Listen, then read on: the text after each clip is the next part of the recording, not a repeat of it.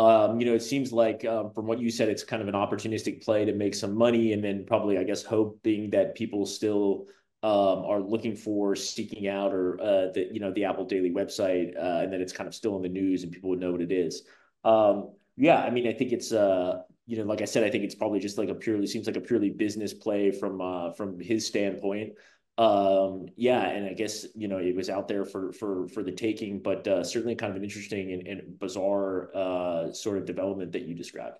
You know, I think for Hong Kong, the closure of you know Apple Daily um, certainly marked kind of a turning point uh, for for press freedom. Uh, you know, in the in the city, it was a very um, you know large and, and influential um, you know newspaper and I think when we talk about it being closed, there's kind of two things that I try to point out. One is that certainly the kind of op-eds or positions that the, the, the paper took towards the pro-democracy kind of movement and pro-democracy camp in Hong Kong are have have vanished.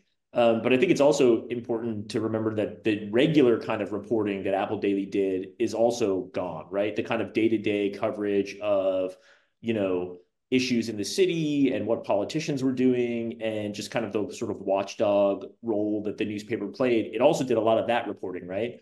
Uh, and so that stuff has also vanished. So I think that just the city is generally worse off for the lack of, uh, you know, information that that or, or I shouldn't say lack, I should say the information kind of flow that was lost when when Apple Daily closed. And um, you know, as you mentioned, it, it, the the publication is shuttered. Uh, the court case against Jimmy Lai is still uh, ongoing. Um, some of the people that were running Apple Daily have uh, testified against him.